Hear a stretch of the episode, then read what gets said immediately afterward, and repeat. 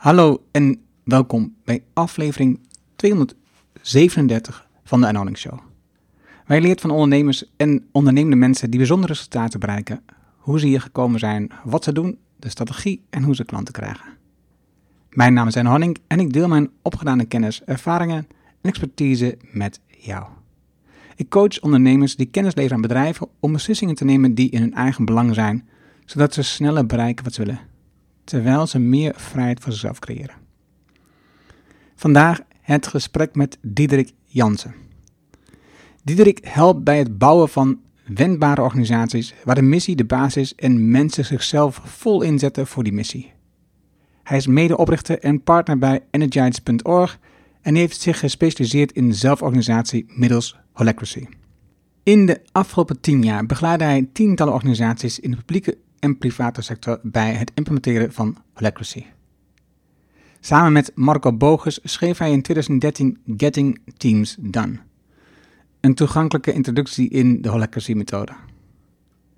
Na mijn gesprek met Tom van Lubbe ben ik meer gaan leren over Holacracy, een andere organisatievorm waarbij de verantwoordelijkheid in organisatie wordt gedeeld. De onderneming komt hierdoor weer toe aan ondernemen. Tom wees me op dit boek van Diederik en Marco. Nadat ik het boek had gelezen, wist ik het zeker. Hier wil ik meer over leren, van de persoon die Holacracy naar Nederland heeft gebracht. In het gesprek hebben we het over de rol waarin ondernemen vaak wordt geduwd. De afhankelijke opstelling van medewerkers voor de richting en antwoorden van ondernemen. Het effect van hiërarchische structuur en dat er ook andere structuren zijn. Maak je missie de baas in je bedrijf. En met deze vorm transformeert jouw missie naar de missie van het bedrijf. Hierdoor kan iedereen actief bijdragen aan missie en gaat dit ook door wanneer jij een andere rol aanneemt in het bedrijf. Ik keek enorm uit naar het gesprek om meer te leren en dit mee te kunnen nemen naar klanten. Het gesprek werd nog boeiender dan ik had verwacht. Veel plezier met de inzichten van Diederik. Laten we beginnen.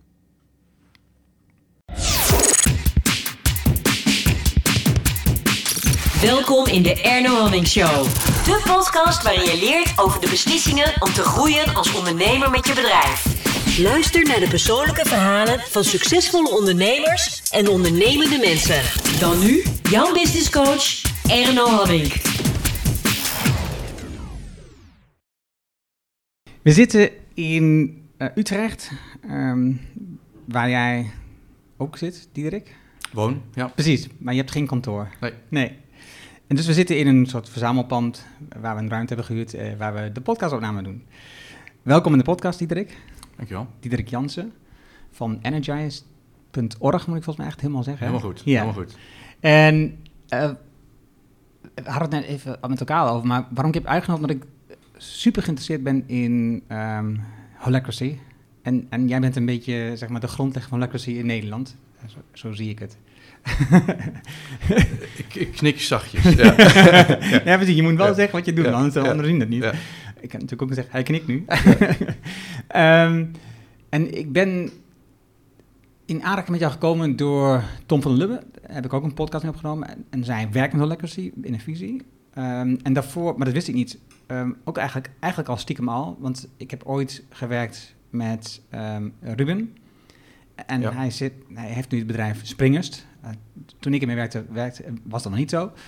Maar, en jij hebt daar ook als eerste bedrijf Holacracy ingevoerd. Klopt, ja. Ehm, en het- op aanraden van Ruben heb ik, of sorry, op aanraden van Tom heb ik ehm, twee boeken gekocht. Ehm, het boek Holacracy van Bob is het, eh, toch? Brian, Brian, Robertson. sorry. Brian. En eh, jouw boek. En ik ben begonnen in het oorspronkelijke boek. Ik dacht, ja, dat is de, de grondweg, dus daar moet ik beginnen.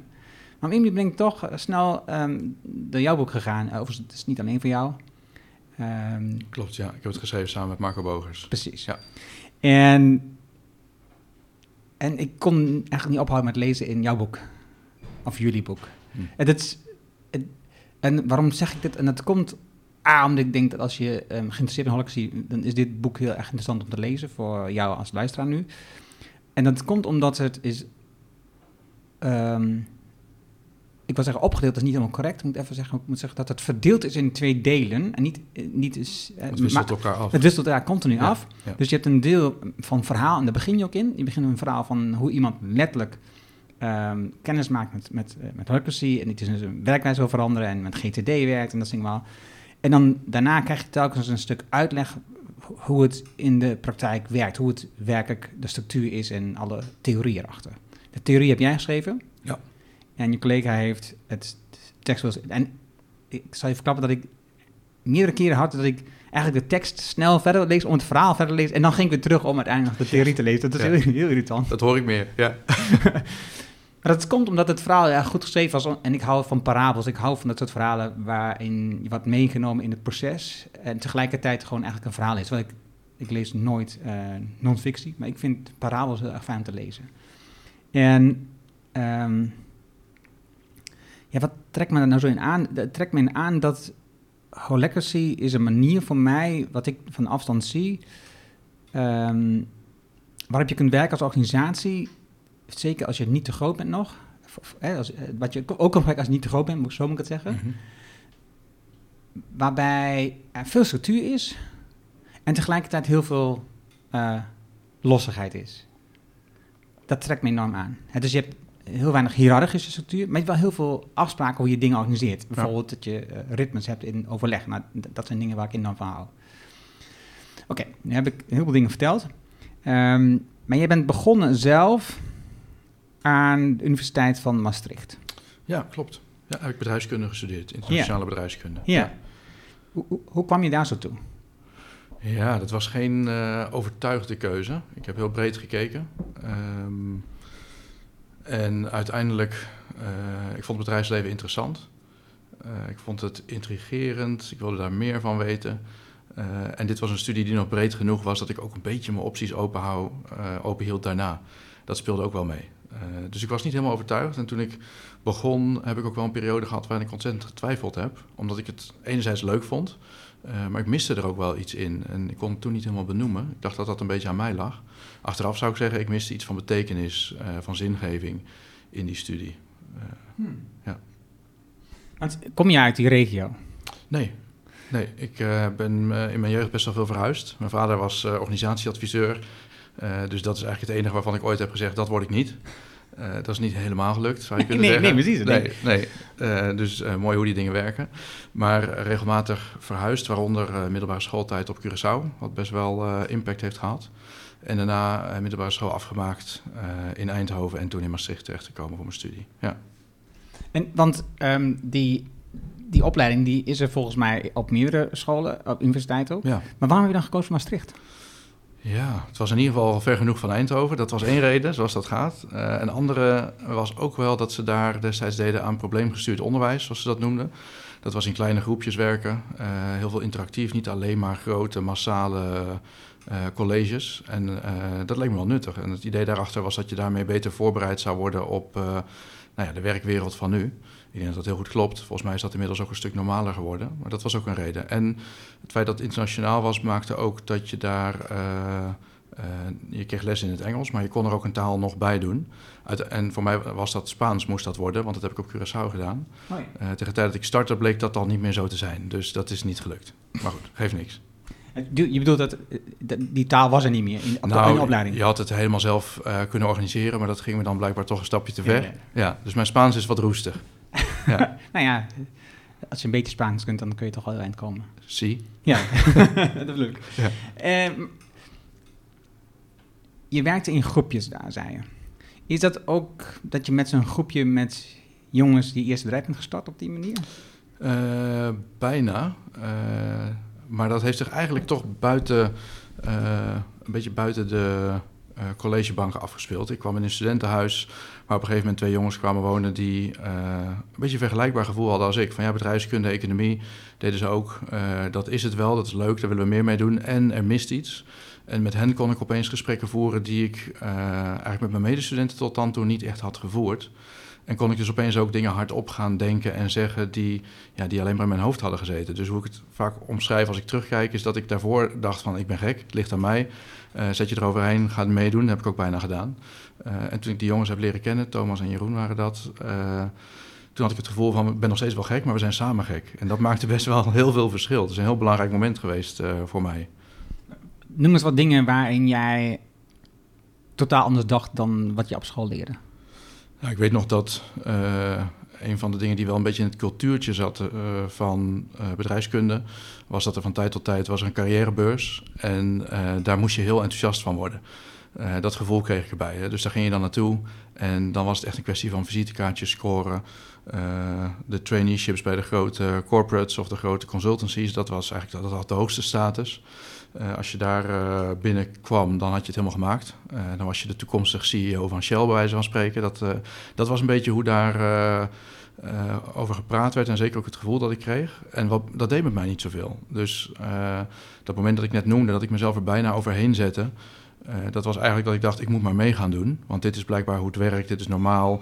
Ik dacht op zich ook wel dat ik het zou kunnen, maar ik voelde hem niet van binnen. Dus ik moest hem een beetje aanzetten. En uiteindelijk heb ik dat niet gedaan. Uh, ik denk overigens niet dat het zo'n ramp was geweest. Als ik dat gedaan, dan had het misschien tien jaar langer geduurd voordat ik op een vergelijkbaar punt ben gekomen. Uh, maar nu ben ik eigenlijk uh, al heel vroeg van dat pad afgeslagen. En met een beetje morele support van die twee jongens, of eigenlijk wij alle drie aan elkaar, zijn we uiteindelijk voor onszelf begonnen ja, na onze studie. Ja. Ja, je zegt nu achteraf gezien, als je, als je het toen had gedaan, dan was je waarschijnlijk tien jaar later op dezelfde pad gewoon. Goed, gelukkig heb je die tien jaar dan bespaard.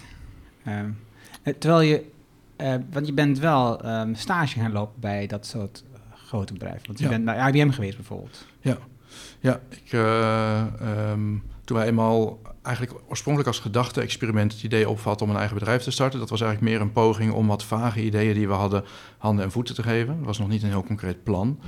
Uh, toen zijn we uh, mee gaan doen aan een programma van de Universiteit Maastricht. Dat heette Hoogstarters. En dat ging over studenten die met, uh, met ideeën rondliepen voor een bedrijf. En ze vonden ons zo anders dan anders, omdat we zo vaag waren en zo niet concreet waren vergeleken met de meeste bedrijfskundestudenten, dat ze zeiden, nou doen jullie ook maar mee. en toen moesten we een bedrijfsplan, een businessplan schrijven. En een van de dingen die we moesten doen was een concurrentieanalyse. En dat was briljant, want toen uh, kwamen we uh, de mensen tegen in Nederland en daarbuiten die het soort werk deden waar wij op aangingen. Uh, en een van die bedrijven, het bestaat volgens mij niet meer, Engage Interact, zijn we nou eigenlijk een soort van vrienden mee geworden. En die waren bij IBM bezig, dus die kreeg toen de kans om daar stage te lopen en om die twee werelden bij elkaar te brengen. Helaas was die stage in Nederland en dat telde dan weer niet voor internationale bedrijfskunde. Dus daarna heb ik ook nog een stage gedaan bij uh, Pentax in Hamburg. Dat was qua internationale ervaring niet zo heel boeiend. Maar ook daar kreeg ik de kans om dingen te doen die voor bedrijfskunde een beetje raar waren, maar die ik heel interessant vond. Dus, uh, wat, ja. wat, deed je daar bijvoorbeeld? Nou, ze waren, ik, ik was heel, samen met die twee jongens heel geïnspireerd van het werk van Ken Wilber. Dat is een Amerikaanse filosoof. Uh, die ja, eigenlijk een soort theorie van alles probeert te beschrijven. Waarin in ieder geval een van de dingen die hij beschrijft is dat, uh, dat je op vier manieren naar de wereld kunt kijken. Je kunt er vanuit, een, vanuit de buitenkant naar kijken. de cijfers, alles wat je kan meten, wetenschap, ook iets wat in bedrijfskunde heel centraal stond. Je kunt er vanuit de binnenkant naar kijken. eigenlijk de waarden, je gevoelens, je ervaring, alles wat je niet direct kunt meten. En dan vervolgens ook nog eens, en zo kwamen de kwadranten tot stand, vanuit het individu en vanuit het collectief. En dat was een manier van kijken die, uh, waar in ieder geval ruimte was voor zingeving. Omdat dat eigenlijk aan de binnenkant zat. Dus hij probeerde eigenlijk die samenhang te beschrijven. Dat vond ik heel fascinerend. dat ging tot op het spirituele af. We hebben toen leren mediteren. ben nou, echt mijn wereld verkend destijds. En we hadden de behoefte om uh, toen wij voor onszelf begonnen was eigenlijk het idee van nou, we kunnen dit in de avonduren en in de weekenden blijven doen. Of we kunnen proberen om daar een bedrijf van te maken waarin we dat gewoon meenemen. En waarin we betaald op meditatieretreat gaan, omdat het gewoon uh, kosten van de zaak is. Nou, dat hebben we ook gedaan. Uh, maar zoals ik al zei, dat was ook nog wel, we hadden dat nog niet concreet gemaakt. En bij Pentax waren ze bezig om die manier van kijken met die vier kwadranten, die integrale blik, om die toe te passen op een, uh, een organisatieverandering die ze aan het doormaken zijn. En toen kreeg de kans om daar eigenlijk aan bij te dragen en onderzoek naar te doen. Ja, dat is interessant, want Pentax, dat, dat is toch oorspronkelijk geen Duits bedrijf, of wel? Nee, Japans. Ja, precies. Ja. En jij zat in Duitsland bij de, van de Europese... Ja, de Europese, Europese hoofdkwartier. Precies. Ja. ja, dus camera's en... eh, Maar, komt, maar komt dat, sorry, maar komt dat kwadrantdenken dan uit het Europese of komt dat ook uit Japan? Eh, nee, dat kwam eigenlijk uit de VS. Die Ken Wilber, die filosoof, dat is Ja, een ja, die- Amerikaan. Dat Ja. weet ik, maar, maar die idee om dat toe te passen in Pentax, kwam dat uit Japan, uit het hoofd, komt dat iedereen moet doen? Of nee, kwam het echt uit... uit nee, dat kwam echt bij één persoon vandaan die daar zat. Oh. Een business unit manager. En daar had ik via, eigenlijk, nou ja, via die concurrentieanalyse bijna... en via die contacten die we toen zijn gaan opdoen... eh, was ik die op het spoor gekomen. Dus dat was, ja, dat was een... eh, we gebruikten net het woord rollercoaster. Dat was best een rollercoaster, omdat er opeens... eh, eh, kwam ik op een heel ander pad terecht dan dat ik voor me had gezien. Die carrièrebeurs, een traineeship, consultancy, weet ik het wat. En jij had het over ehm, zingeving en dan heb je het over de eh, kant van binnen. En voor het individu en voor het collectief. Als ik, dan die, ik, zie, ik zie die vier kwadranten nou voor me. Eh, als je dan naar je bedrijf nu kijkt. En, en laat ik het anders vragen. Als je naar een gemiddeld bedrijf kijkt, is dat dan zo dat, je, dat het slim is om je te verdelen over al die vier kwadranten? Of is het goed om je ergens te concentreren? Eh, eigenlijk het, het uitgangspunt van die manier van kijken is dat die, die, die vier kwadranten zijn er altijd de hele tijd. Oké. Eh, dus het is eigenlijk meer een manier van kijken. En met name ehm, het idee is dat als je eh, je bewust bent van, van al die aspecten. Dus wat gebeurt er met mij, wat gebeurt er met het collectief waar ik deel uit- van uitmaak, wat gebeurt er aan de buitenkant. Aan ons, in ons gedrag, in onze performance, wat gebeurt er aan de binnenkant, in mijn beleving, in mijn ervaring. eh, dat je meer kans hebt dat dat wat- je doet succesvol is. Dit, is wel, dit is een onderwerp waar ik echt nog meer, meer van wil weten, merk ik nu. Omdat ik, omdat ik hier vaak mee worstel met het onderwerp. Hè. Dus, dus ehm, ik denk dat ik het heel herkenbaar vind dat om je heen gebeuren heel veel dingen waarvan we zeggen, god, dat is, dat is de normaal, maar ik vind het dan vreemd. Ja. En andere mensen vinden dan vreemd hoe ik denk. Ja. We hadden net een voorgesprek even over het aantal downloads bijvoorbeeld van een podcast. In principe, in principe interesseert me dat helemaal niets omdat het gesprek nu wat we hebben is veel belangrijker. Ehm, dan hoeven mensen het gaan downloaden. Voor mij is het een win als één persoon hier iets waardevols uithaalt. Dan, heb- dan, is het, dan zijn we denk ik beide tevreden. En voor mij is het, ik wil graag iets leren en ik geef dan een andere platform om kennis te delen. Ja. En volgens mij is dat dan een win-win situatie waar we blij van worden. Ja. En dus dan is het aantal downloads is dan ook niet meer van belang. Want de win-win haal je nu al in dit gesprek, Ja. terwijl je het opneemt. Ehm, sterker nog, ik denk dat de win- win-win gaat nog verder, hè, want je leert dan kennis maken en wie weet breng elkaar later in contact met andere mensen. Oh, dan moet je met die praten, moet je daar een keer naartoe gaan. Ja. En dus ik ga veel verder in mijn optiek dan die downloads. Dus het externe aspect. En ik had het daar vanochtend, gisteren met iemand over, over ehm, ehm, fictieve doelen. Externe doelen waar je aan werkt. Ja. Dat is natuurlijk wel in veel bedrijven gebruik van gemaakt. Hè? Dus je hebt een omzetgetal en dat moet je behalen. En als je dat haalt is het fantastisch. Maar ja, met als gevolg dat je weer een nieuw doel neerzet wat weer groter is. Want ja, Ja. dat moet je dan halen. Want waarom zou je hetzelfde doel neerzetten? Dan ga je niet vooruit. Ja, en dat je een tunnel ook ingaat die alleen maar naar dat doel leidt, waarin je allerlei andere paadjes eh, niet meer ziet en bewandelt. Ook, Ja. ja. En, en teleurgesteld bent als je het doel niet behaalt. En, dus, en, dus, en dat is, zoals ik al zei, dit is het aantal downloads en dat soort aspecten. En dat je geen omzetdoel meer nastreeft. Dat is voor veel mensen heel vreemd. Ja. Ehm, en, en, en, dat maakt het dan voor mij weer een worsteling. Want je probeert het dan ehm, voor jezelf door te voeren. En ook, en ook uit te leggen aan anderen. Dat doe ik dan middels bloggen en dat soort dingen allemaal. Ehm, hoe dat dan werkt voor mij. En dat vinden mensen dan weer vreemd, dat jij dat dan anders ziet. Ja. En een mooi voorbeeld vind ik, ik weet niet of jij hem ook wel, Jason Fried van Basecamp. Ja. Met, eh, met hun boek eh, It Doesn't Have to Be Crazy at Work bijvoorbeeld. Zij hebben ook die filosofie, hè, dat je, je werkt gewoon maximaal 40 uur in de week. Je doet, je, flow, als je flow hebt, je gaat elkaar niet afleiden. Je, hebt, je bent bij elkaar geen overleg in agenda.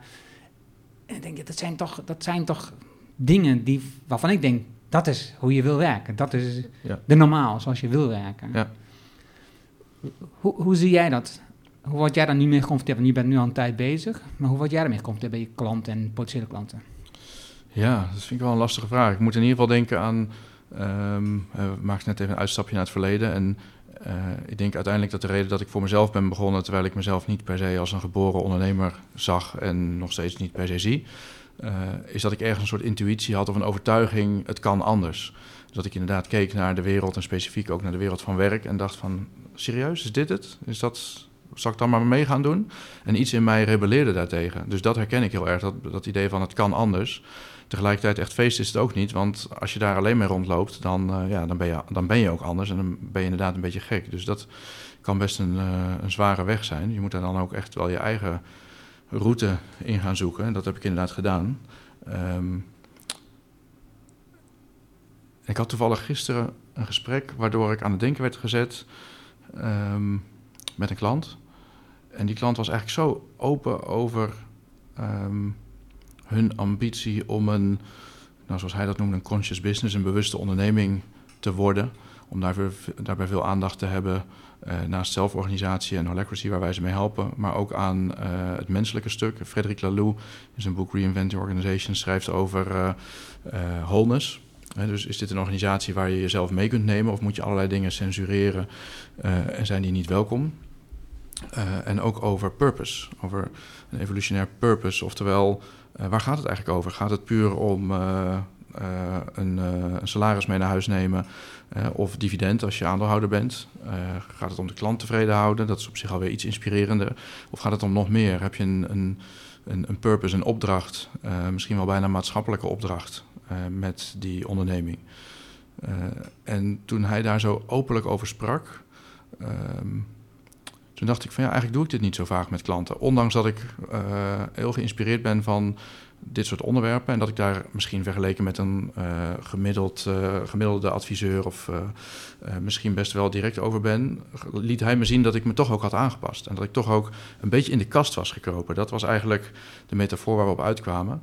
Dat, hij, liet het, hij liet het bewust in zien of was het een constatering die je zelf... Dat was eigenlijk de constatering die ik zelf trok. Dat ik merkte dat we een heel open gesprek hadden, dat me heel erg inspireerde, waarin ik het gevoel had van, oh, ik kan hier eigenlijk iets laten zien bij een klant, wat ik meestal alleen uh, bij collega's bijvoorbeeld of vrienden laat zien, over wat mij motiveert en inspireert. En dat wil niet zeggen dat ik het normaal helemaal niet doe. Het was meer het niveau waarop. Dus ik kom tot de conclusie dat ik uh, toch met al mijn idealen, want ik ben best ook wel een, een idealistische rakker, uh, toch ook weer een beetje in de kast was gekropen. En dat vind ik op zich niet zo erg, want dat beweegt heen en weer. Um, ik herinner me ook dat uh, toen ik alleen maar idealistisch en filosofisch van de toren blies, dat mensen me aankeken en er niks van snapten. Dus dat werkt ook niet.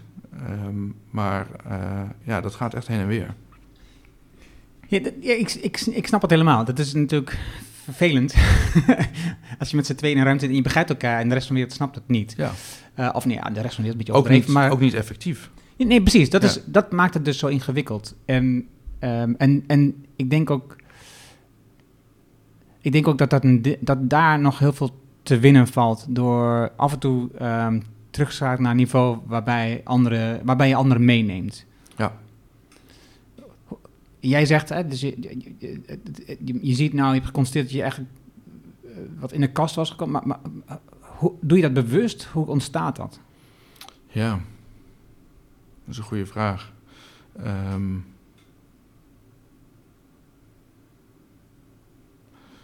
Wat ik in ieder geval van mezelf weet is, ik heb me heel erg gespecialiseerd de afgelopen tien jaar in holacracy als een methode voor zelforganisatie. Dat inspireert me enorm. Um, maar het is ook een middel. Uh, en daar gaat het me niet om. En ik ben daar best wel een beetje mee vereenzelvigd geraakt. Uh, zeker denk ik ook in de beeldvorming van mezelf en van uh, ons bedrijf. Dat is alweer iets aan het verruimen dat het niet alleen maar over holacracy gaat, maar dat uiteindelijk het echt gaat over zelforganisatie, over autonomie, over purpose, over jezelf helemaal meenemen, over helderheid ook, dat soort thema's. Maar dan nog, daar was het oorspronkelijk ook niet om te doen. Waar het oorspronkelijk om te doen was, zoals veel ondernemers, in het Engels zeggen ze dat zo mooi, scratching your own itch dus uh, aan mijn eigen jeuk krabben, dat klinkt dan iets minder lekker. Maar uh, ik denk dat ik zelf heel erg het verlangen had om. Eigenlijk dat zelfonderzoek dat ik in mijn twintig jaren met die twee jongens deed. om dat niet op pauze te zetten voor, om een carrière te hebben of om te werken. Om dat niet te verbannen naar de avonden en de weekenden. Maar om dat mee te nemen in mijn werk. In organisaties en om te zoeken naar een manier waarop je met mensen kunt werken aan iets dat echt inspireert, aan een, aan een, aan een purpose, zeg maar. Uh, en ja, misschien de beste manier om. Want waarom zelforganisatie? Dat is uiteindelijk omdat. Um, omdat we met z'n allen in niet zelforganiserende, oftewel hiërarchische organisaties, heel vaak een spel van ouder en kind spelen. Ik heb even geen betere manier om dat te beschrijven. Maar het spel waarin, uh, als het even niet loopt, uh, de een uh, in een soort slachtofferrol schiet, een kindrol, en de ander de straffende ouder wordt, of juist de zorgende ouder. Dat zijn dingen die heel diep zijn ingebakken in ons allemaal, vanuit onze jeugd. Dat zijn een soort relaties, een soort patronen waarop terugvallen als het ingewikkeld is, als we het even niet meer weten. Met allemaal zo onze voorkeuren natuurlijk. En op het moment dat je in zo'n rol schiet, en in zo'n rol kun je bijna wonen, voor mijn gevoel, hè, omdat dat zo normaal wordt dat je dat niet eens meer bewust bent, dan uh, staat ook een deel uit. Heb je geen toegang meer tot, nou wat dan in deze theorie transactionele analyse, wat de volwassenen wordt genoemd. hoe kunnen we als volwassenen tot volwassenen samenwerken? hoe kunnen we werken aan iets waar we ten diepste in geloven? zonder dat ik dan op een gegeven moment op tafel, mijn hand op tafel sla en zeg van ik ben het zat, zo gaan we het doen. En jij het slachtoffer gaat uithangen. Of andersom, hè. er zijn eindeloos veel variaties van dat spel. Ja, en, en wat ik merk bij veel klanten is dat de, de, ondernemer is eigenlijk dan altijd de ouder. Ja.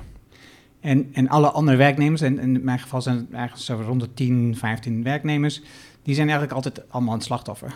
En, en als, het, als de ondernemer niet is, neem dan één of twee dan weer de, hè, neem dan weer de oude rol op zich voor, over de andere. Maar niet als ondernemer is, dan gaan ze altijd vragen aan de ondernemer. Ik, ik, verwacht iets van jou, ik verwacht dat jij met een missie komt, ik verwacht dat jij met een plan komt, ik verwacht ja. dat jij onze richting geeft. Dat is wat ik heel vaak hoor als wij beginnen met uh, sessies ja. hierover.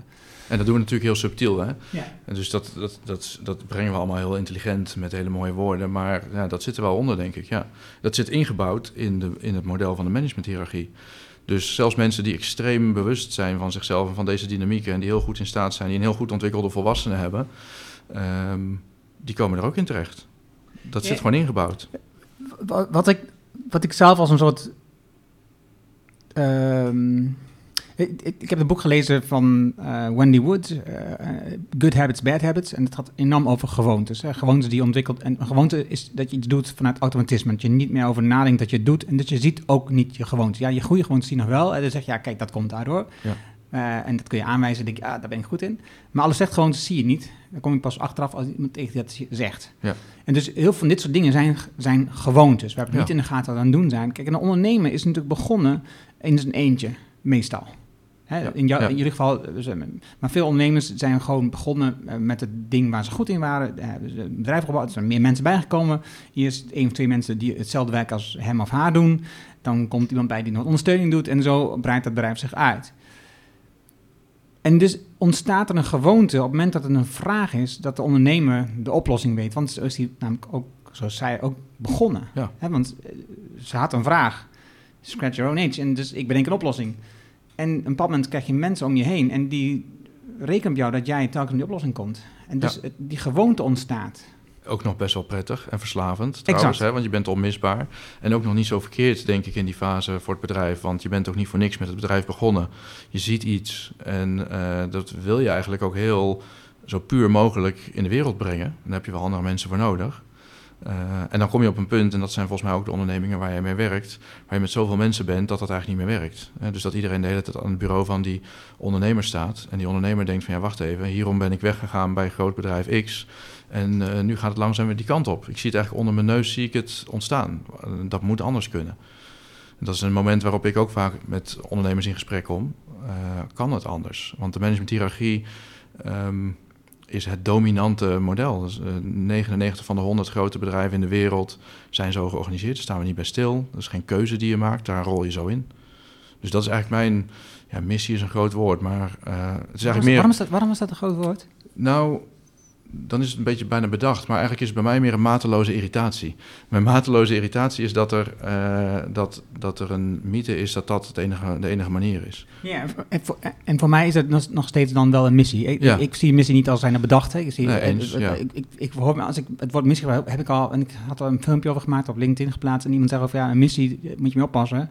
Uh, want dan krijg je van die uh, window dressing ideeën. Ja nee, dit is niet hoe ik een missie zie. Het is een missie als dat is wat van binnen je drijft. Dat ja. is, dat is waar, ja. waar, je mee in de slag wilt. Dat is wat je wil veranderen. Dat is de missie die je hebt. Dus voor mij is die helemaal niet negatief. Voor mij is missie heel positief. Ja, nou, en, wat, en eigenlijk is bij mij dan dat ik niet zozeer van iedereen moet aan de zelforganisatie, want dat is veel beter dan een managementhierarchie. Dat zou ik nog iets te simpel vinden. Ja. Uh, het is meer, er valt wat te kiezen. Ja. En je zult, als je, als je die beide opties goed bekijkt en goed weegt en uh, naar jezelf kijkt en naar wat je te doen hebt in de wereld, dan rolt er wellicht één uit. En dat zal de ene keer zelforganisatie zijn, de andere keer die managementhierarchie, prima. Ja, dit is eigenlijk, wil je meer inzicht geven. Ja. Dat, er, dat, dat, dat, wat ik ook hoor, dat ik dat vaak doe, is dat je dus, um, mensen zitten in een soort denktunnel. Hè, in dit geval dus een hiërarchische manier van werken. En, en ze zien geen andere manier. Die tunnel is zo dicht. Ze, zien, en wat jij doet is, je, je, ruimt hun inzicht op door andere opties te laten zien. In jouw geval dan uh, zelf. Uh. Ja. ja.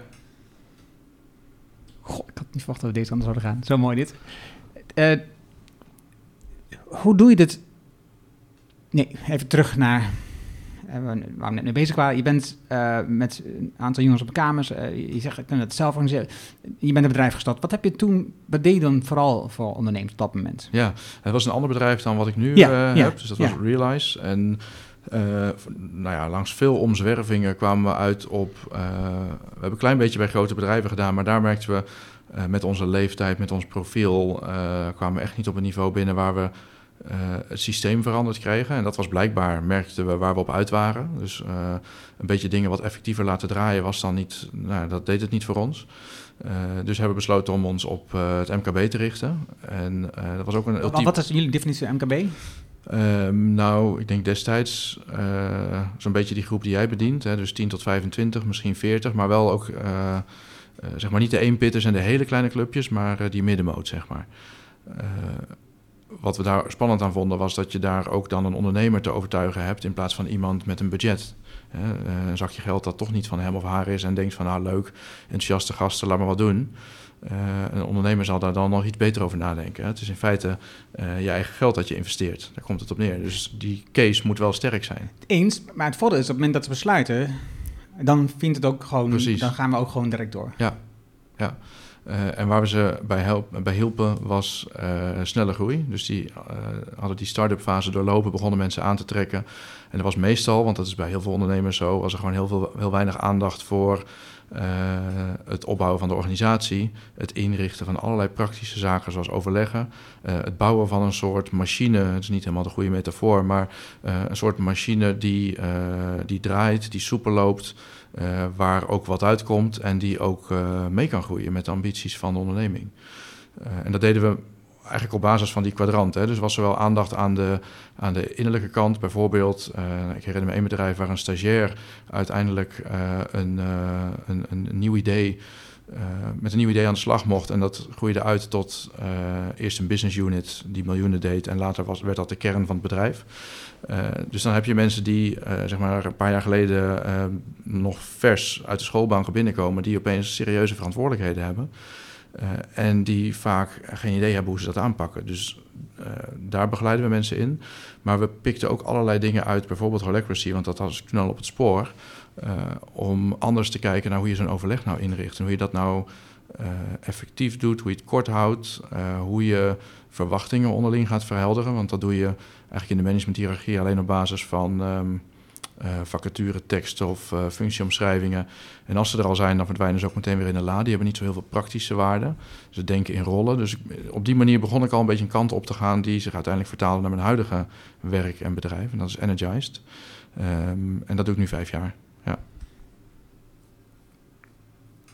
Waarom eh, even terug nog, eh, want je, kwam toen in aanraking met Holocracy. Ik heb je vragen gelezen, maar eh, mensen die naar de podcast luisteren niet, voor het grootste deel gok ik. Dus vertel even hoe je in aanraking kwam met Holocracy. Ik kreeg een whitepaper onder ogen van een Amerikaan, Brian Robertson, je noemde zijn naam al even.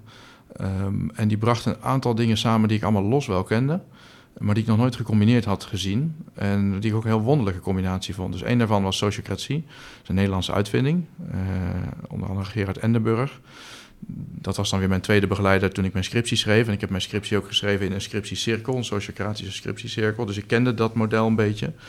Um, Getting Things Done noemde je al even. Dat is een heel ander ding.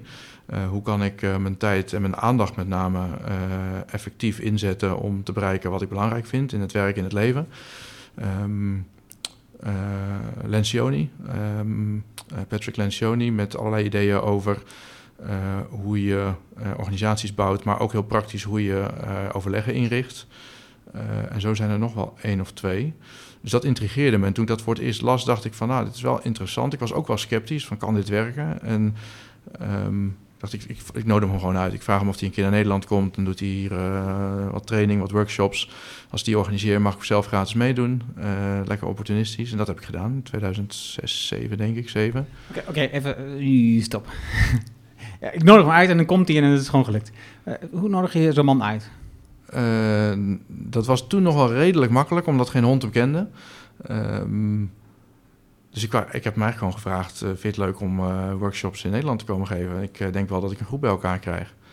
Ik had in mijn netwerk al mensen die voldoende geïnteresseerd waren om daar minstens een halve dag, een aantal wel wat dieper, twee dagen in te steken. Um, ik had toen net mijn stage bij IBM achter de rug, dus hebben toen bij IBM gevraagd of dat daar bij hen op kantoor kon. Dat kon, geeft meteen weer een beetje cachet aan het geheel. En zo kregen we die groep eigenlijk wel vol. Dus, en wat vroeg je voor de deelnemers bijvoorbeeld? de prijs. Ja. Oh, boe, dat zou ik op moeten zoeken. Maar ah, het was sowieso laag, dat weet ik nog wel. Uh, want ik, ik, weet wel dat dat in de eerste jaren altijd een strijd was van wat is het waard, wat zijn we waard. Ja. En um, dat was altijd te weinig destijds. Maar 100 um, euro? Nee, het was denk ik wel meer. Maar voor, misschien voor die twee dagen, ja, ik, ik zou zeggen nu 4,95. Maar ik, heb, ik weet eigenlijk helemaal niet ja, of dat klopt. Um, en dan betaalde je het grootste deel aan hem voor die reis. En... ja, ik weet ook niet meer of er nog iets overbleef. Dat was eigenlijk ook niet zo, dat was niet zo mee bezig. Ik wilde vooral gewoon hem zien en spreken en uh, kijken of dit wat was. En ik weet wel nog, toen ik daar stond uh, tijdens die training, dat ik ergens het idee had van, oké, okay, hier moet ik wel iets mee doen. Hier zit iets in. Uh, maar dat heeft best nog een tijd geduurd voordat ik dat. Want inmiddels heb ik me daar helemaal op toegelegd en ben ik Holacracy Master Coach. Uh, wat dat ook betekent. Uh, maar daar heeft een hele tijd tussen gezeten. Daar ben ik ingegroeid en ingerold. In het begin dacht ik van ja, leuk systeem, maar ik pikte wel de dingen uit die mij bevallen. Uh, dus ik ben daar zo allerlei handige tips en ideetjes uit gaan halen. Bijvoorbeeld de manier om een uh, operationeel overleg te voeren. En dat werkt als een trein. Um, maar als dan als een trein werkte, dacht ik ook wel van... goh, maar wat zou dan gebeuren als je, als je dat roloverleg toevoegt? Wat zou dat dan nog doen? En soms werkt het niet. En dan dacht ik, oh ja, natuurlijk werkt het niet, want we hebben dat dan niet gedaan. Dus zo ben ik een beetje geradicaliseerd dat ik dacht... ik wil dit een keer helemaal doen. Uh, en uh, toen kwam ik Ruben tegen van Springest. En die zei, nou, dat wil ik wel. Uh, dus zo is dat balletje gaan rollen. Had je heb je toen hem nog vaak uitgenodigd in eerste instantie om meer training te geven? Of was het gewoon de ene keer was het echt de start en toen ben je zelf aan de slag gegaan? Nee, ik ben in het jaar daarna ben ik nog wel vijfdaagse training bij hem gaan volgen. Gewoon om het echt in de vingers te krijgen. En toen werd je ook coach? Um, ja, die, die, die, die termen die zijn door de jaren heen wel een beetje... maar uh, ik weet niet of, of dat toen al gecertificeerd was. Want okay. dat waren allemaal dingen die eigenlijk nog niet bestonden toen. Uh, althans niet rond deze methode. Je, bent, je, hebt het, je was coach, je bent trainer en nu ben je mastercoach. Ja. Wat voor waarde heeft dat voor jou dat je zo'n gelicenseerde um, training volgt en, en, en die term gebruikt, bijvoorbeeld in Nederland? Ja, om heel eerlijk te zijn, gebruik ik hem niet zo heel veel. Hè. Dus ik hoor mezelf, ik zeg het net, en ik hoor mezelf er ook direct achteraan zeggen voor wat het betekent, voor what it's worth. Omdat ik blijkbaar de behoefte voel om het meteen al een beetje kleiner te maken, omdat ik er onrustig van word. En zeker het woord master, denk ik van ja, hallo. Um, dus ik heb daar eigenlijk een beetje een dubbele relatie mee. Uh, ik ben daar enerzijds wel trots op, want uh, er lopen maar zes van die mastercoaches rond in de wereld, waaronder Brian. Dus het is wel een soort erkenning van ik ben er al een hele tijd mee bezig en volgens hem uh, heb ik het redelijk door. Dat is wel leuk. maar om me er nou weer heel erg mee te gaan profileren. en tegelijkertijd vraagt de markt er soms wel om, want die wil weten: oké, ik ga iets doen dat ik nog nooit gedaan heb en dat best wel ingrijpend is. Uh, dus doe ik dat ook met iemand die ik een beetje kan vertrouwen. En uh, dat is voor een deel een persoonlijke klik, maar zo'n zo'n certificering kan natuurlijk ook een soort uh, stempeltje zijn, een soort goedkeuring van oké, okay, die weet wel waar hij het over heeft. Dus helemaal diep in een laadje moet je dat ook weer niet stoppen. Dus dat, ja. Wat betaal je dan jaarlijks een licentie bijvoorbeeld? Um, nou, het is niet jaarlijks, het is eigenlijk op basis van de omzet. Dus op het moment dat ik met jou een klus ga doen waarvan ik zeg ik ga jou helpen holocratie in te voeren en ik gebruik die term, want daar is alles aan opgehangen. Dat is een, een, een trademark. Uh, dan betaal ik uh, volgens mij op dit moment 15% van de omzet. Die gaat naar uh, Brian en consorten. en nou ja, dat is het. Dat is een behoorlijke, behoorlijke hap. Ja, want, want is er dan iets waarvan je dan zou zeggen... oké, okay, dat, dat zou ik liever een eigen methode ontwikkelen... zodat, ik, zodat het mijn ding wordt? Um, die fase heb ik wel gehad. Maar inmiddels denk ik dat de geest wel uit de fles is... en dat ik helemaal niet zo sta te wachten om een merk in de uh, markt te zetten, om de methode net genoeg te veranderen. Uh, dat voelt eigenlijk allemaal als afleiding. Dit zit zo dicht aan tegen het werk dat ik wil doen en is zo bruikbaar dat ik denk, nou weet je wat, ik ga daar wel mee rennen. En ik ben in die zin Brian verschrikkelijk dankbaar dat hij dit heeft ontwikkeld en dat hij het blijft doorontwikkelen. Niet alleen, met een hele club. En daar betaal ik voor. En daar betaal ik eigenlijk wel graag voor. Dus nee, nog niet. Ik zie anderen het wel doen. Maar dan zie ik eigenlijk meestal dat ze het inhoudelijk bijna helemaal overnemen. En er een ander labeltje op plakken. En dat, ja, dat doet het voor mij niet. Dat is dan. Dat, ja, dat is ergens natuurlijk wel slim, want dan hoef je die 15% niet af te dragen. Die steek je in je zak. Oké, dat is mooi. Maar uh, als je dan inhoudelijk bijna één op één gebruikt wat hij heeft ontwikkeld. Uh, en waar hij nog steeds uh, veel tijd en moeite in steekt om het door te ontwikkelen. Nou, vind ik niet zo erg om daarvoor te betalen. Ja, weet niet. Ik, ik heb daar altijd al uh, moeite mee. Het gaat niet, denk ik, 1 tot niet 15 procent. Het is meer.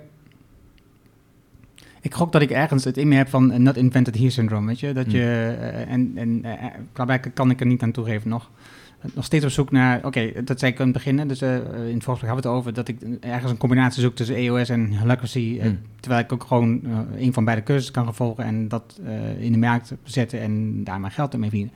En, en, en, dat voelt van mij van binnen niet goed. Mm. Ik weet niet of dat nou goed of slecht is, maar ergens heb ik er moeite mee. Daarom vraag ik ernaar, mm. voor duidelijkheid. En, en, en kun je iets zeggen over wat dat is? Want ik kom het meer tegen hoor. En uh, zeg maar het feit dat je een, een best wel uitgewerkte spelregelset hebt, want zo zou je ernaar kunnen kijken, waarin bijvoorbeeld wordt beschreven hoe je een overleg voert, wat de stappen zijn. En gegeven binnen die structuur is er heel veel ruimte en heel veel vrijheid. Maar je ziet eerst die structuur je ziet eerst die regels en dan is er een soort afkeer vaak bij mensen, of een soort reactie. Uh, dus ik ben wel nieuwsgierig, ik wil dat wel beter begrijpen. Wat is dat? Wat denk je dan? Ik weet niet. Ik denk dat het meer is uh, dat de afgelopen 30 jaar heb ik zoveel verschillende ideeën opgedaan. Um, geleerd van zoveel verschillende mensen. Dat, het, dat wat ik inbreng in een bedrijf. En waar ik een ondernemer help, is nooit gebaseerd op één systeem. Het zijn hmm. allemaal verschillende elementen, facetten van dingen die ik heb geleerd. Ja. Dus, dus um, als elementen zijn in het proces waar ik bezig ben, wat, wat klaarblijkelijk niet helemaal past bij ondernemen, dan grijp ik op andere dingen in. Dan zeg ik, oh, dan, laten we dan dit eens proberen. Dus, het is, dus, ik, dus ik heb nog nooit gezegd, oh, we gaan dit zo invoeren. Ja, ook vanuit een... Want dat zou dan betekenen dat het compleet is, of het beste, of ja. het enige. Ja, en dat is natuurlijk, dat, dat is ja. natuurlijk een fictie. Dat ben ik helemaal met je eens. Wat ik, wat ik zelf heb ervaren, want ik had oorspronkelijk wel die reactie ook. Dus ik ben het ook niet meteen helemaal gaan doen. Ik ben juist eigenlijk elementen uit gaan gebruiken. Ik was er best wel eigenwijs over. Uh, ik denk dat mijn eigen gevoel was dat het me beknotte in mijn vrijheid. Uh, en dat ik daar een sterke reactie op had van uh, rot op. Uh, dat, dat bedenk ik zelf wel. En wat ik heb ervaren op een gegeven moment, toen ik, me, toen ik besloot van ik wil dit een keer helemaal doen, is dat um, structuur, ook zoals een methode of een set spelregels, die doen altijd tegelijk twee dingen. E-, enerzijds be belemmeren en, of begrenzen ze, beknellen ze. Uh, en dat is het stuk waar we dan op reageren, wat we niet fijn vinden. Maar juist niet en, maar doordat ze dat doen, bevrijden ze ook. En dat, en dat, dat heb ik heel erg ervaren van op het moment dat je het niet meer hoeft te hebben over hoe een overleg gaat en hoe je tot besluiten komt. Uh, en je kunt je daaraan overgeven, omdat je het vertrouwt van die, die ideeën, die spelregels zitten goed in elkaar. Dan bevrijdt dat uh, een heel effectief gesprek. Waarin je niet heel veel gedoe of ouder-kindrelaties tegen hoeft te komen. Want het is gewoon helder hoe we het doen. Uh, en ik denk dat dat, dat, dat voor mij. Um, dat is iets wat me heel erg fascineert, steeds weer. Is hoe structuur enerzijds belemmert, beknot, uh, schuurt. en tegelijkertijd en daardoor ook dingen kan bevrijden. Daar ben ik het 100% mee eens. Ik denk altijd aan wat Vern Harnis zegt: structure sets you free. Um, en, en dat heb ik ook meerdere keren genoemd. Hè. Dus, dus door de structuur aan te brengen in mijn eigen dag. Ik had een, een keer een gesprek over een andere ondernemer die zegt tegen mij... maar als je zo ver gaat, dan lijk je op een robot. Ik, ik heb het gevoel dat ik een robot word. Mm. Dus, nou, dat is totaal niet rechtvaardig. Doordat ik een structuur in mijn dag breng... door elke ochtend hetzelfde te doen... Hè, dus elke ochtend te gaan publiceren en schrijven... en dan pas aan het werk te gaan voor de klant... Um, krijg ik juist vrijheid om in het moment dat ik met een klant werk... heel creatief te zijn. Mm. Het is, want ik heb de rest al gedaan... En dus, dus op die manier ervaar ik het wel. En ik op dat andere stuk, uh, laat ik dan maar zeggen, nog niet. Ja, ja. ja. ja. Ik ben al wel uh, de 50 gepasseerd, dus ik heb nog een tijd te gaan. Maar tegelijkertijd heb ik ook al heel mijn leven heel eigenwijs geweest. Dus ja. ja. ja Oké, wie weet, komt het nog. Wat heeft het boek um, Getting Teams Done jullie gebracht? Um, dat is moeilijk te zeggen, want het, toen we het publiceerden, toen was holocratie nog een volstrekt onbekende term. Daarom hebben we het ook niet holocratie genoemd. Want dat uh, was onze voorspelling, gaat niet werken. Um, dus we hebben toen uh, besloten om het aan te laten sluiten op Getting Things Done, wat natuurlijk al heel erg bekend is. En wat we daar, Marco Bogus is uh, Getting Things Done trainer, of eigenlijk meer in de breedte, productiviteitstrainer. En uh, was heel erg bezig met hoe mensen individueel productief en effectief zijn. Maar had de frustratie van: oké, nou heb ik de shit op orde, maar mijn collega's, weet je, dan, dan zit ik te wachten op anderen. En ik kwam een beetje van de andere kant. Ik was bezig met organisaties en met teams effectief maken, in besluitvorming, in overleggen. Um, maar de zwakste schakel was daar soms ook dat uh, mensen dan met hele heldere uh, acties naar huis gingen. En die verdwenen in een soort zwart gat. En daar hoorde je nooit meer iets van. Dus dat was een soort natuurlijk. Uh, een natuurlijke combinatie. Uh, en toen heeft op een gegeven moment de uitgever, die wij toevallig kwamen te spreken, die heeft die, die titel Getting Teams Done bedacht, wat een goede titel is. Um, maar toen we dat publiceerden, toen viel dat samen met uh, het nieuws dat in Amerika Zeppos uh, holocratie implementeerde. Toen met 1500 man, inmiddels zijn ze nog wel met wat meer. En dat was eigenlijk de eerste echt uh, bekendere, grotere organisatie die dat zo deed. Daar is toen heel veel over geschreven daar, dus positief, negatief. En dat waaide ook een beetje over naar Nederland, zeker ondernemers die dat in de gaten hielden. Uh, dus dat heeft denk ik nog meer gedaan dan ons boek voor de bekendheid. Wat ik wel altijd merk, en dat blijft me verbazen, ook na, wat is het, zeven jaar of zo. Um, auteur heeft nog steeds wel een bepaalde status. Uh, ook al is het misschien niet meer wat het vroeger was, hè, dat je het alleen maar via een uitgeverij kan doen. Dat hebben wij dan toevallig ook wel gedaan, maar dat je ook zelf van alles uit kunt geven. Uh, maar mensen kijken toch anders. En ik word heel zelden, en dat nou, vind ik altijd een beetje grappig, word ik ook nog wel eens gevraagd om een handtekening in een boek te zetten. Dus dat, dat heeft blijkbaar iets. Daar, dat, kijken mensen toch een beetje tegenop. Je bent een autoriteit. Uh, en dat heeft ons wel goed gedaan. Ja, mensen vinden ons nog steeds eigenlijk via dat boek heel vaak. Dus dat is leuk. Ik herinner me dat bij een presentatie ergens in Nederland, ik weet niet precies waar, um, uh, ook de presentatie van Tony Shane, van de, de oprichter van uh, Zeppos, meemaakte. Ja. En hij uitgebreid vertelde over het, de Blue Book, heet het volgens mij toch? Wat, uh, waar de cultuur um, in vast Delivering Happiness? Of oh, nee, je bedoelt hun eigen... Ja, ja, ja een soort van handboek. Nee, dat ja, weet ik niet. Ik dacht dat het de Blue Book, als je dacht de term was, wat ze hadden, dat waarin, waarin je de cultuur van het bedrijf kon lezen en dus kon opdoen. Niet alleen als je daar werkte, maar dat, het stond open voor iedereen. Dus iedereen kon eigenlijk dezelfde cultuur als Zeppos had kopiëren. Nou, dat zijn natuurlijk hele wonderlijke dingen die nu veel normaal zijn. Maar zo'n open structuur, dat het niet alleen is, oké, wij hebben iets bedacht en, um, en wij gaan het op een andere manier doen. Nee, maar wij laten iedereen met die manier kennis maken. Ja. Ja, dat vond ik, toch, dat vond ik toen al super interessant uh, om, om, uh, om te zien. Ja, en dat zie je in Nederland ook. Dat vind ik wel bijzonder. Dus bijvoorbeeld Springers kwam langs, Visie kwam langs, uh, Voice doet dat ook in Groningen. Die, ik krijg regelmatig mensen op bezoek. Bij Springers en Visie noemen ze het zelfs een safari. Uh, waarbij je mee kunt kijken, waarbij bij een, een, overleg... en dat is dan ook een echt overleg waarin echte dingen besproken worden... Uh, en problemen opgelost worden. en dat je als vlieg aan de muur kunt kijken hoe ze dat doen... en hoe dan holacracy in de praktijk eruit ziet. En dat is echt ja, fantastisch, want dat doet zoveel meer dan een boek lezen of de theorie, om daar eens te gaan kijken. Maar dat zegt dus ook iets over die bedrijven, dat die er zo in staan. Uh, en dat ze uh, nog net niet alles op straat gooien misschien, maar wel zo open zijn om dat te delen. Ja, daar zit dan blijkbaar toch ook iets in dat niet alleen maar gaat over een eigen, eigen bedrijfje heel succesvol maken en heel goed runnen, maar ook een soort geloof van, hé hey jongens, het kan anders. Kom maar kijken. Ja, en dus in mijn dus weer dat um, openmaken van tunnels van bedrijven, dat het ook anders kan. Hè? Dus andere visies meegeven. En, um, en, en de tegenstelling juist met hele bureaucratisch ingestelde uh, organisatiebedrijven, waarbij geheimen dus een enorme rol spelen. Ja. Ja, en poortjes en pasjes en dingetjes. Ja, ja, ja. En soms moet dat, hè, dat snap ik ook. Maar, ja, net, ja. ja. ja. dat overleg heb ik dus ook meegemaakt bij Tom.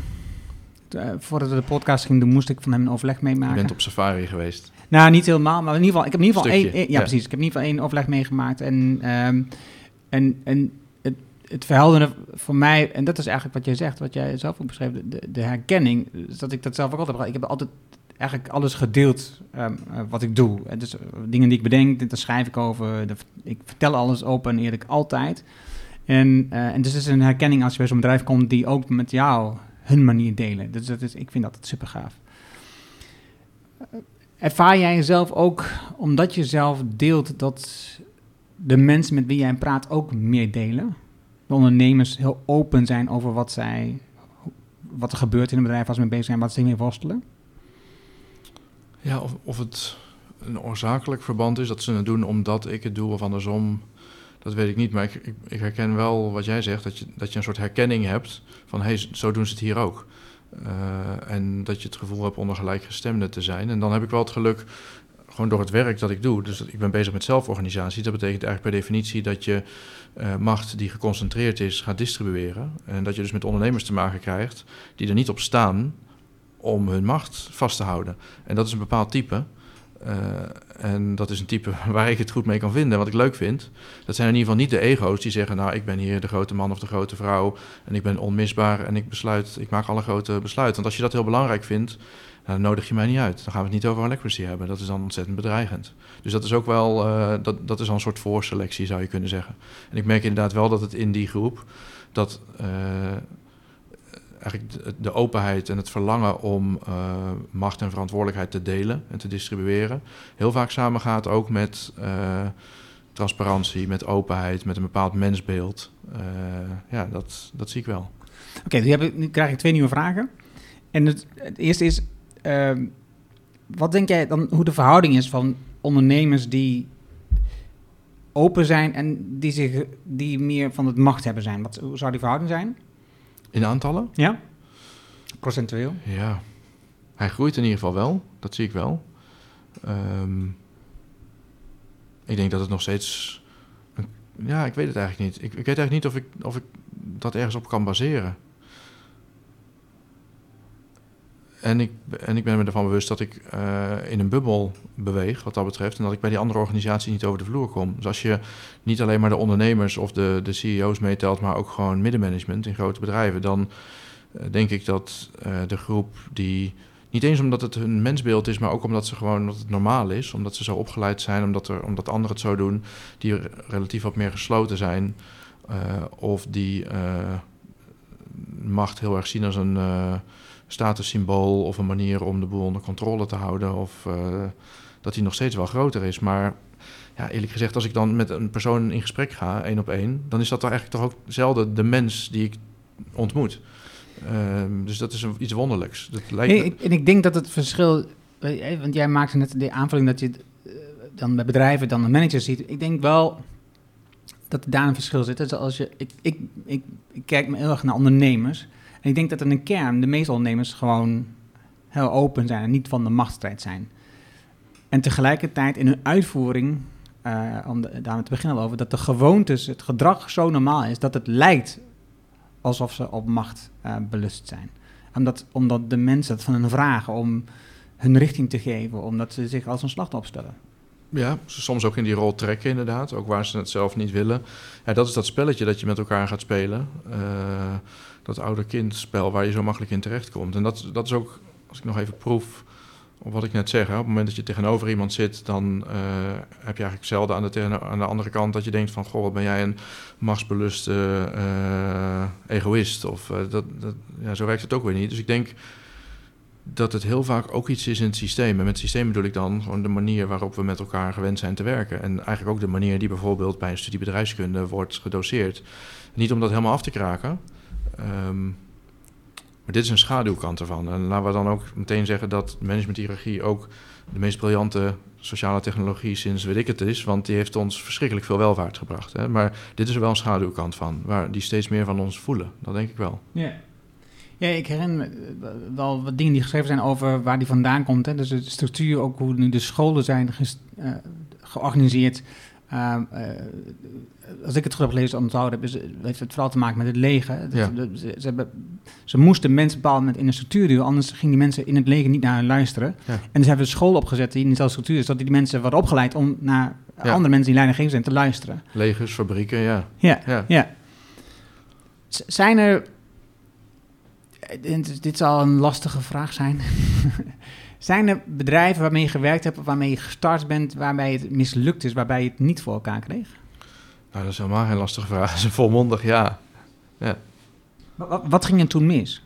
Um, nou, ik denk dat ik in de tussentijd uh, een beter gevoel heb ontwikkeld voor waar het past en waar het niet past. Onder andere juist door dat te ervaren. Um, heeft soms ook wel te maken met onvoorziene omstandigheden. Dat een bedrijf in zwaar weer terechtkomt. Ze een beetje halverwege dat veranderproces zitten. En waarbij je eigenlijk hè, als, als zelforganisatie of holacracy coach... sta je als een soort cheerleader van uh, gebruik... Dit, dit, dit zijn spanningen in de taal van holacratie. Dit zijn uh, dingen die je als uh, problemen ervaart en die heel frustrerend en moeilijk zijn, maar waar ook energie en informatie in zit die je kunt gebruiken om het bedrijf beter te maken, om dingen duidelijker te maken. Dus ik sta te, te, te springen aan de kant, hè, cheerleadend van uh, dit zijn allemaal spanningen die kun je gebruiken, hier is het gereedschap, maar dat gereedschap is nog zo nieuw en mensen zijn er nog zo onhandig mee dat je eigenlijk onvermijdelijk door de urgentie, door de druk terugvalt op je oude gereedschap. En dat is bijvoorbeeld, uh, nu ga ik gewoon een besluit nemen, ik trek het naar me toe. Um, en dat snap ik eigenlijk ook wel. En dat zijn ook, daar heb ik wel veel van geleerd. Um, ook over wat, je, um, wat, wat realistisch is, over wat er aan voorwaarden uh, is om te starten. En dus dat je dus niet in zo'n situatie moet willen starten. Uh, dat het gewoon ook niet eerlijk is en niet, niet slim. Um, en soms ook wel omdat er een groep mensen is, en er zijn altijd wel een paar, maar die, die, dat kan ook in sommige organisaties die groep groter, die zegt van ja, het is wel mooi, meer verantwoordelijkheid um, en meer vrijheid. En met name de vrijheid vind ik nog wel leuk.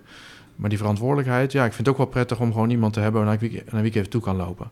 En die dat dan uh, van mijn schouder pakt, die aap, en dat besluit voor me neemt. En dat zeggen mensen natuurlijk meestal niet zo openlijk, soms wel. Um, als die groep groot genoeg is, uh, dan is het soms mm, ja, de diepe wens van een ondernemer, maar niet van de mensen die hij heeft aangenomen. En die zeggen van nou, ik vind het eigenlijk best wel lekker als jij gewoon de belangrijke besluiten neemt en een beetje aangeeft welke kant wij op moeten rennen. En ja, ik bedoel, dat is ook wel oké okay eigenlijk. Ja, maar, dan, ga, maar dan gaat uh, Holacracy niet heel, heel, lekker voor je zijn. Nee, nee dat, nee. nee. nee dat, is, dat is wel mooi. Wat is dan van jouw gevoel een van de meest succesvolle voorbeelden die bij meegewerkt met bedrijven? Nou, Springers was wel een soort lucky shot. Hè? De eerste die, helemaal, uh, die er helemaal mee aan de haal ging. En uh, eigenlijk ook een van de bedrijven, en dat komt in belangrijke mate door Ruben, maar ook door uh, wie er bij Springers rondlopen, die dat helemaal tot in de haarvaten eigen zijn gaan maken. Ruben is wel, um, zo ken jij misschien ook wel, een redelijk extreme gast die doet dingen niet half. Hij doet het of hij doet het niet. En als hij het doet, dan doet hij het echt goed. Um, en dat werkt met iets als Holacracy best wel goed. Uh, want als je het half doet, ja, het gaat uiteindelijk toch ook om een verschuiving van machtsrelaties. Dat is niet half. Weet je wel? Of hij ligt bij jou als grote baas, of niet. En dan ook echt niet. Maar een beetje half betekent in de praktijk dat we zelforganisatie doen als het allemaal lekker loopt. Maar als het even ingewikkeld raakt, dan eh, kijken we alsnog allemaal naar jou en mag jij het oplossen dat vind ik wel een mooi inzicht. Ja. Ik vergelijk het vaak met, en dat vind ik briljant aan holacracy als methode, want je kunt zelforganisatie op allerlei manieren doen, maar um, met straatvoetbal, uh, zelforganisatie als straatvoetbal, is dat we met elkaar zeggen van nou we gaan een potje voetballen, we gaan een potje zelf organiseren. Laten we niet ingewikkeld doen over methodes en spelregels en gedoe, gewoon hier is een bal, schoppen, leuk. Uh, en zo begint het vaak. En dat gaat ook wel goed totdat het niet goed gaat. Totdat op een gegeven moment iemand scoort en dan zeg ik van ja, maar wacht even, dat was geen goal, dat telt niet. Ja, hoezo dan niet? En dan zijn er dus geen spelregels, dus geen scheidsrechter. Dus wie bepaalt? Degene van wie de bal is, degene met de meeste vrienden, degene met de grootste uh, spierballen. Um, en zo gaat het in organisaties ook. En dus dat vind ik de briljante innovatie die Holacracy biedt, is een set spelregels uh, die een uh, gelijk speelveld creëren. Zodat je uiteindelijk lui kunt zijn, namelijk we kunnen lekker voetballen. We hoeven niet voortdurend ruzie te maken over of het wel of niet geldig is. Want dat bepaalt iemand anders op basis van spelregels waar we ons samen aan hebben gecommitteerd. En dus dat is wel. Uh, ik denk dat het meer kans maakt dan. Dat het ook kans maakt om in de moeilijke tijden ook stand te houden. in plaats van alleen mooi weer. Als je kijkt naar we hebben nu heel erg over legacy, over zelforganisatie. Um, en, en de andere kant. bureaucratisch, nou, dat zeg je goed, hiërarchisch georganiseerd. Zijn er nog meer alternatieven? Zijn er nog andere manieren waarop je dingen kunt organiseren in je bedrijf? Uh, nou, er zijn wel veel tussenvormen, mengvormen. Ehm, en dus sowieso ja. Het zou ook ongeloofwaardig zijn om te zeggen van niet. Ehm, wat ik wel zie is dat uh, waar holocratie wel uniek in is, is dat het, het is net als alles denk ik, is het ergens begonnen. En um, je kunt bijvoorbeeld, uh, Semco is ook zo'n bekend voorbeeld. En dat, daar ging het helemaal anders, vanwege hoe Ricardo Semler het daar uh, deed. En dat wordt dan een voorbeeld en dan gaan we met z'n allen gaan we overlezen of gaan we op bezoek en dan proberen we dat te imiteren. Maar ja, dat is dat bedrijf. Je? Dus dat kun je niet zomaar copy-pasten naar je eigen bedrijf. Dat moet je dan opnieuw uitvinden. En holocratie is echt als methode losgetrokken van het bedrijf waar het oorspronkelijk in Amerika is uitgevogeld en uitgedokterd. En uh, dat is echt gecodificeerd. En dat gebeurt denk ik heel vaak niet. Dus op dat niveau zie ik niet zo heel veel alternatieven. Er zijn er wel wat, maar... Um, ja, dat is de Semler... Uh methode. Semco-style, ja. Semco-style, juist. Ja. Dat, uh, dat is ook in Nederland. Uh, uh, weet je nou, die net een boek heeft uitgebracht? Arno? Nee, Jarno? Nee, ik ben even naam kwijt. Die, die, die, die implementeert en promoot dat ook in Nederland, de Semco-style. Ja. Waarom weet ik nou zijn naam niet? Arco, toch? Ja, van Brakel. Ja, ja. van de Baak. Arco, of ja, eerder. Ja. ja, is niet, ja, precies, niet meer van de Baak. Dus dit is Semco Academy, weet ik wat heeft hij nu, eh, iets dergelijks. Dus, dus, dus eh, ik denk dat hij ook een soort proces en spelregels heeft vastgelegd om dit nu, misschien komt het wel uit, uit, uit, eh, vanuit eh, Semco oorspronkelijk, om dit ook meer naar Nederland te brengen. Overdraagbaar, ja, Ja, precies. ja, Ja, ja. Maar dan is er nog wel een heel groot verschil. eh, eigenlijk de meeste methodes eh, en ook de boeken die geschreven worden die ik zie, zijn eigenlijk gebaseerd op principes. En eh, meestal niet zoals holocratie op spelregels. En spelregels is eigenlijk ook minder sexy, want ja, spelregels dat klinkt veel minder leuk. Principes klinkt goed. Nee, dat klinkt wat, eh, ehm, ja, wat aantrekkelijker. Eh, En wat intelligenter misschien, dat is het vooral, denk ik. En waar ik achter ben gekomen is dat, eh, waarom holocratie mij in ieder geval zo aanspreekt, is omdat er eh, in elke organisatie dingen gebeuren waar je eigenlijk niet te intelligent over wilt zijn, die je bijna een beetje wilt automatiseren in gewoontes of in spelregels, zoals jij net ook noemde, omdat je niet, net als met verkeer, elke keer als er iemand van rechts komt, wil je niet een principe volgen over eh, wat je in die situatie gaat doen. En als het dan niet lukt en je hebt ruzie, dat ze dan een interpretatieverschil hebben over het principe. Je wilt gewoon dat het een regel is die eigenlijk nul ruimte laat voor interpretatie, super helder is. Uh, zodat je ook in dat soort split-second momenten uh, je daaraan kunt houden en door. Door met waar het je om gaat, namelijk waar wil ik naartoe met de auto. en niet met de verkeersregels bezig zijn voortdurend. En dat zie ik heel vaak in organisaties die zelf organisatie invoeren. En die dan zeggen van nou zo'n methode, dat is me allemaal wat te gestructureerd of dat not invented here inderdaad. Dat ze uiteindelijk heel veel tijd, energie, aandacht kwijt zijn aan die gesprekken over uh, de principes, over het interpreteren, in plaats van over waar moet die auto naartoe. En dus, nou, dat komt misschien terug op wat jij net al noemde over die gewoontes. Dat je heel bewust bepaalde dingen extreem versimpelt en, en, en, vastlegt, zodat je er niet meer over na hoeft te denken en die aandacht en creativiteit kunt richten op dingen die belangrijker voor je zijn. Zoiets. Ja, zoiets. Zoiets, ja. En ik denk ook dat het daarin zit, ja, dat zoiets. Het is natuurlijk een proces waar onderhand, ja, je hebt daar iets van 60 bedrijven zo mee geholpen, of 70. Zoiets, ja. En dus, dus je hebt veel ervaring opgedaan, veel geleerd van die bedrijven. Dat is super gaaf om te ontdekken. Um, een moment als je aan de slag gaat uh, met Holacracy als, als organisatie, dan teken je als manager of als ondernemer de Holacracy grondwet. Ja. Wat, wat doet dat met de mensen? Ja, dat verschilt. Um,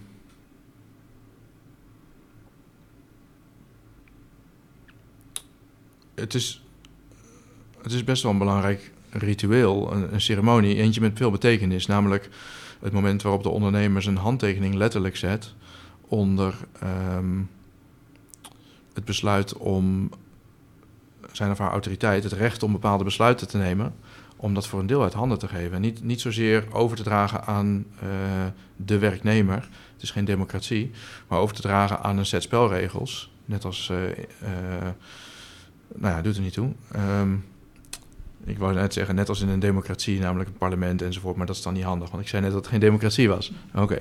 Okay. Um, in ieder geval aan een set spelregels. En dan te zeggen, iedereen in deze organisatie die besluiten neemt volgens die spelregels.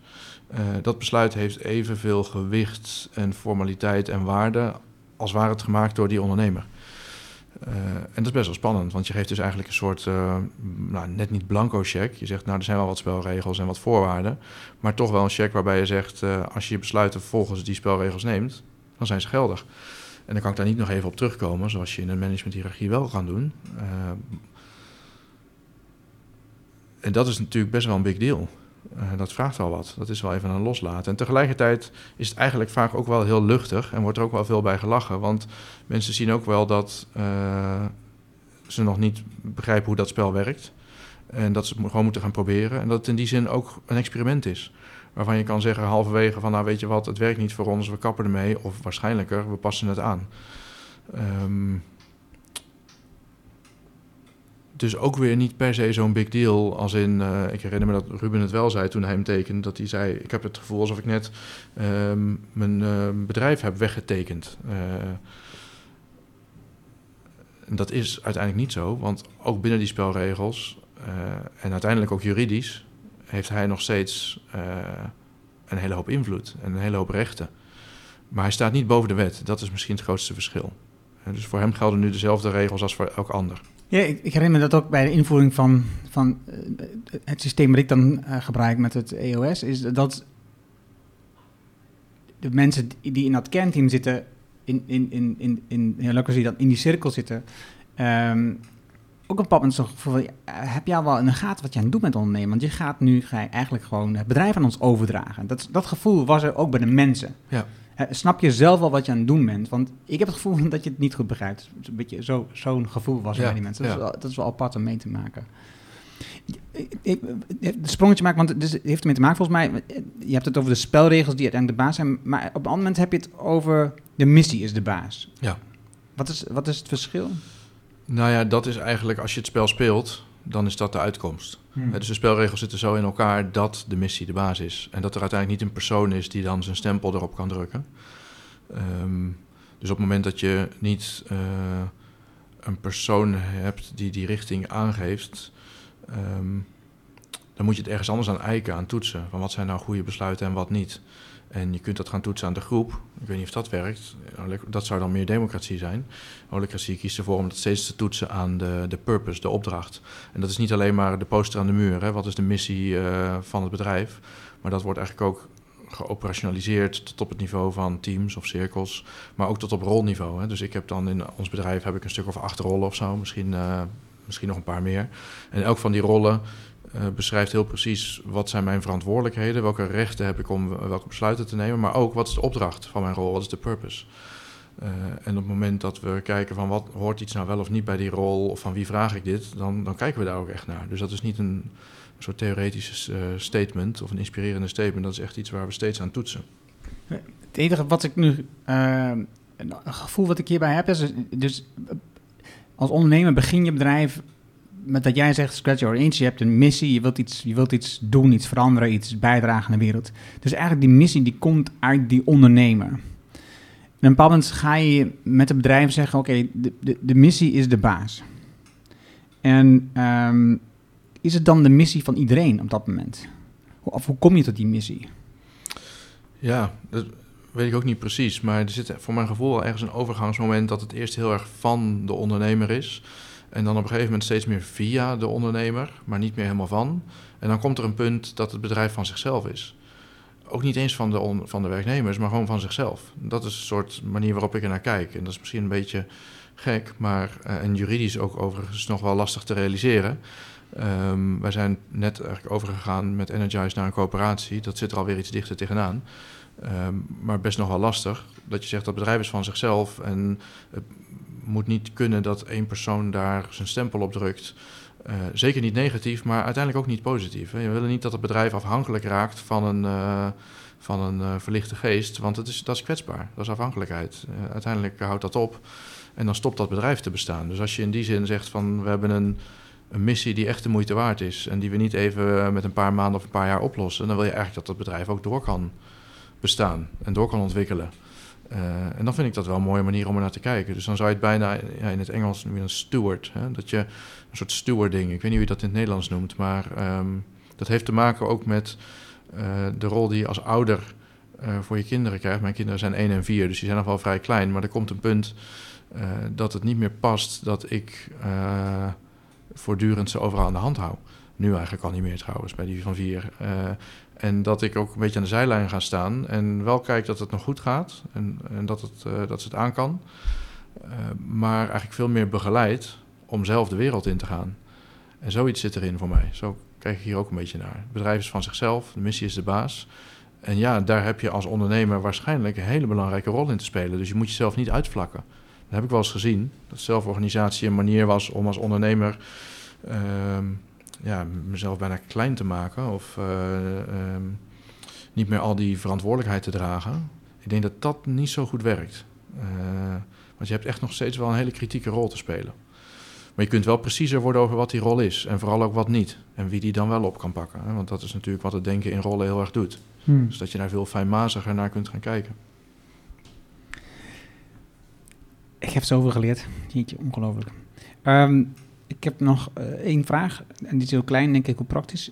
Um, ik heb het ook gezien bij Visie, uh, en ik zag het bij jou terugkomen. Jullie leggen de rollen vast in Glass Frog, als ik het goed uitspreek.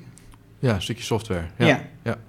Is dat, wordt dat veel gebruikt in de wereld van Orcasie, deze, deze tool? Ja, er zijn ook wel één of twee alternatieven, maar uh, het is wel heel zelden dat een organisatie niet één van die vormen kiest. En dat is eigenlijk heel praktisch, omdat bijna alle software hangt aan persoonlijke accounts. Um, en in Holacracy staat er, uh, ligt er heel veel nadruk op de rol. Uh, die niet los is van de persoon, want natuurlijk wordt de rol vervuld door een persoon. Maar op het moment dat ik werk op me neem, dan doe ik dat niet uh, omdat ik zo uh, goedhartig ben of even niks te doen heb. Want er zit een logica achter. En die logica is niet die van dat oude kindspel bijvoorbeeld, hè, waarin jij me probeert te manipuleren of ik overdrijf, maar toch. Ja, nee, ik, hoor het, ik hoor het gewoon met ja. klanten. Dat, ja. ze, dat ze, ze hebben een missie Um, en ze manipuleren mensen om een bijdrage te doen, terwijl ze, het zelf, ja. Eh, terwijl ze het zelf niet in de gaten. En dat is niet negatief bedoeld. Ze willen het nee, We noemen maken. dat inspireren en motiveren. Hè? Dus dat, als manager ga je op cursus om mensen te leren motiveren. Maar ik vind het toch ook heel raar ergens zelf. Uh, om daarmee bezig te zijn. Dus hier is de logica veel meer die van de rol die ik vervul. En op het moment dat er een verzoek op me afkomt, dan gaat dat doorgaans ook gepaard met rolbewustzijn. Dat iemand zegt, nou, in deze rol loop ik hier tegenaan, mag ik dat van jou vragen in die rol? Ik snap ook meteen waarom ze het aan mij vragen. Het is niet gissen van, uh, hoezo kom je naar mij? Uh, ik kan het overigens, als het mijn rol niet is, kan ik het ook nog steeds doen. Hè? Dus het is niet een soort keurslijf van je mag niet of zo, maar het is meer uh, een ondertiteling. Um, en in Glassrock um, is het mogelijk om acties, projecten, allerlei zaken aan die rol te hangen. Uh, in plaats van aan de persoon, aan het persoonlijke account. En dat is gewoon iets wat je lastig, heel, ja, heel technisch, maar lastig gerealiseerd krijgt in heel veel andere bestaande software. Springers heeft dat wel uh, voor elkaar gekregen in Asana, oh ja. maar ook wel voor een groot deel door Asana een beetje te hacken en te misbruiken. Um, dus dan uh, is uh, Glassfrog, Holospirit, uh, Nester, zo zijn er een paar tools die je kunt gebruiken. Die zijn daar gewoon makkelijker voor. En daarnaast, je hebt eigenlijk natuurlijk een soort levend organigram. Want rollen en, en organisatiestructuur kunnen regelmatig wijzigen yeah. door voorstellen die mensen doen. Dus je moet dat gewoon goed bijhouden. En liefst ook nog visualiseren, zodat je ook nog een goed overzicht hebt van bij wie moet ik nu zijn of hoe, hoe werkt het bij ons. En dat doet die software dan ook. Dus ja, ja het is niet het is, het, is niet, het is niet heel belangrijk, maar wel heel behulpzaam. Oké, okay. uh, uh, één, twee vragen nog. Um, wat is het boek wat jij de laatste tijd het meest hebt weggegeven? Of waar je de meeste impressie op, je, op jou heeft gemaakt? Hmm. Wel een lastige vraag. Het boek dat ik het meeste weggeef is mijn eigen boek, maar dat telt niet helemaal. Dat is nee, gewoon omdat we nee, dat bij... Ja, ik, uh, ik even bij moet zeggen, de spelregel. Nee, precies, ja, dat is de spelregel, ja. Um, Hmm. Nou, er is één classic die ik al even noemde. Even noemde. Um, ik denk dat als mensen geïnteresseerd zijn geraakt in holacracy en zelforganisatie, dan zou ik niet per se meteen het boek Holacracy of zelfs ons boek Getting Teams Done lezen. Dan is er eigenlijk een ander boek uh, dat nog een veel beter, een veel breder en ook historischer overzicht geeft. En dat is Reinventing Organizations van Frederik Laloux. Dus dat is er wel één, dat, dat is echt een klassieker voor mij in dit veld. Um, en dan zijn, als je daarna nog steeds heel enthousiast bent, zijn Holacracy en Getting Teams dan mogelijke follow-ups. En uit een heel andere categorie nog. Um, is een, uh, een Argentijn, uh, Fred Kaufman, met een, een, K. Die heeft ooit het boek Conscious Business geschreven. En um, dat gaat eigenlijk helemaal niet over zelforganisatie, ook helemaal niet over holacracy. Het gaat over leiderschap. En de kwaliteit van leiderschap, die hoort bij bewust ondernemen. Um, en dat vind ik persoonlijk extreem inspirerend. Mooi, dankjewel. Ja. En als je, als je een banner had waar virtueel, wat dan ook, miljoenen mensen naar konden kijken... en je mag daar een boodschap op plaatsen eh, die niet commercieel is... Hm. Spelregel toevoegd nu, gelijk. Wat zou je erop zetten? Ja, dat zijn de simpelste vragen, die zijn dan ook het lastigst. Um,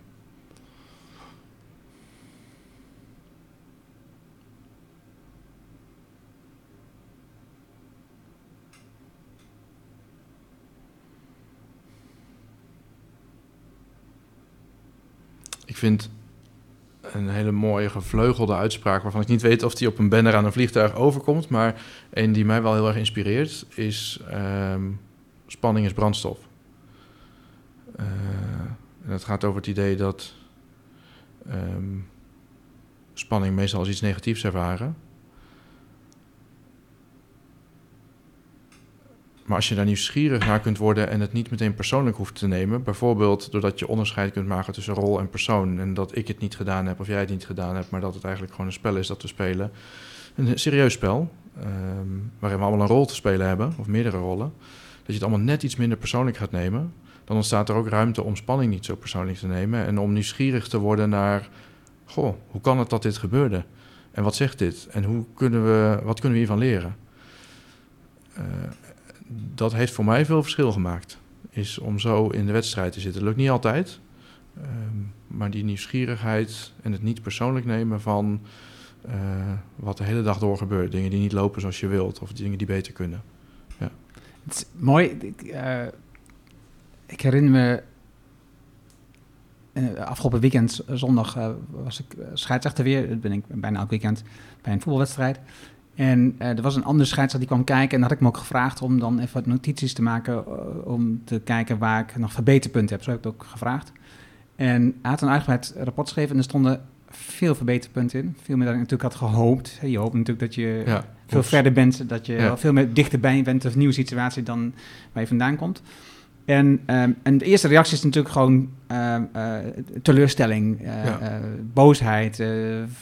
je wil dingen uitleggen. Maar, maar, goed, als je dan, heb ik dan, als ik dat dan laat bezinken, gewoon even de tijd neem, ehm, dan snap ik waar het vandaan komt. Dan denk ik, oh ja, dus hoe kan ik dit dan op welke punten moet ik me als eerste concentreren? Want er stonden heel veel in, dus ik kan niet alles gelijk van. Maar welke moet ik concentreren? En en hoe kan ik dat dan verbeteren? Wat moet ik dan wel doen? Wat, wat, had ik in die situatie kunnen doen? Wat was precies de situatie? Hoe had jij het gedaan? Dus wat kan ik dan leren en wat kan ik gebruiken om dat te veranderen? Ja. En, en het is heel lastig wat je al omschrijft. Hè? Dus in eerste instantie uh, vat je het persoonlijk op. Ja. Maar als je naar ik dat doe het niet goed. Nee, en als je naar een rol kijkt van de scheidsrechter, dan denk je, oh, wacht even, hier heb ik iets te leren.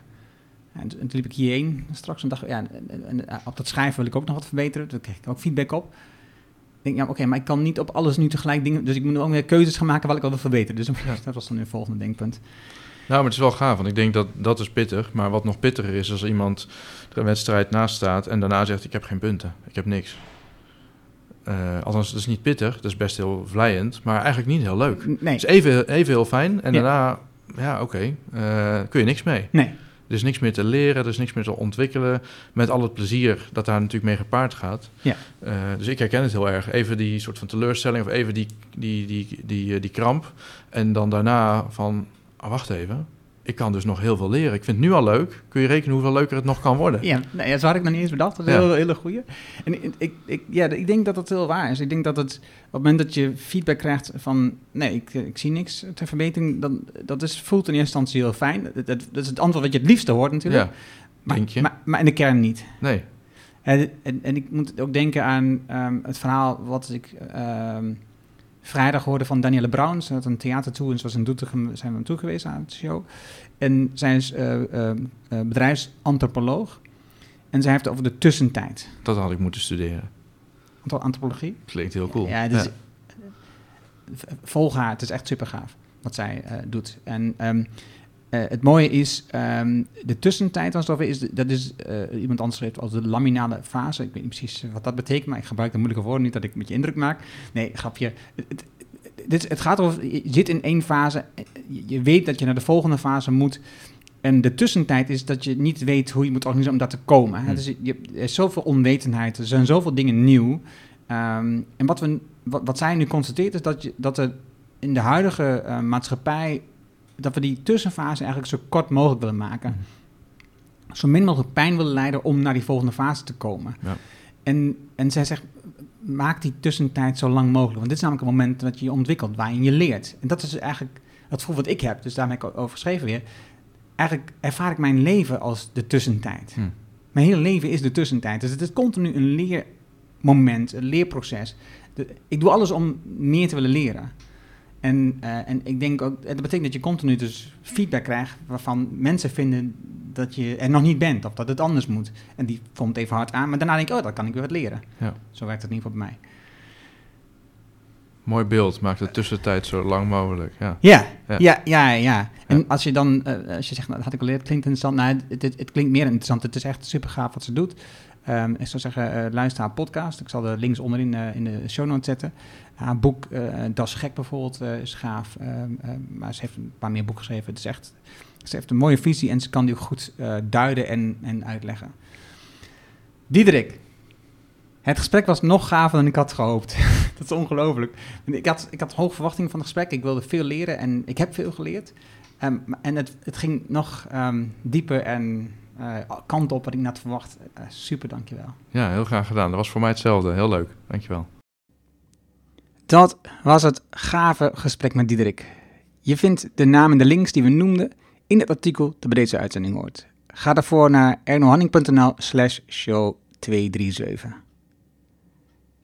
Wil je automatisch de volgende aflevering van deze podcast op je telefoon krijgen? Dat kan heel eenvoudig.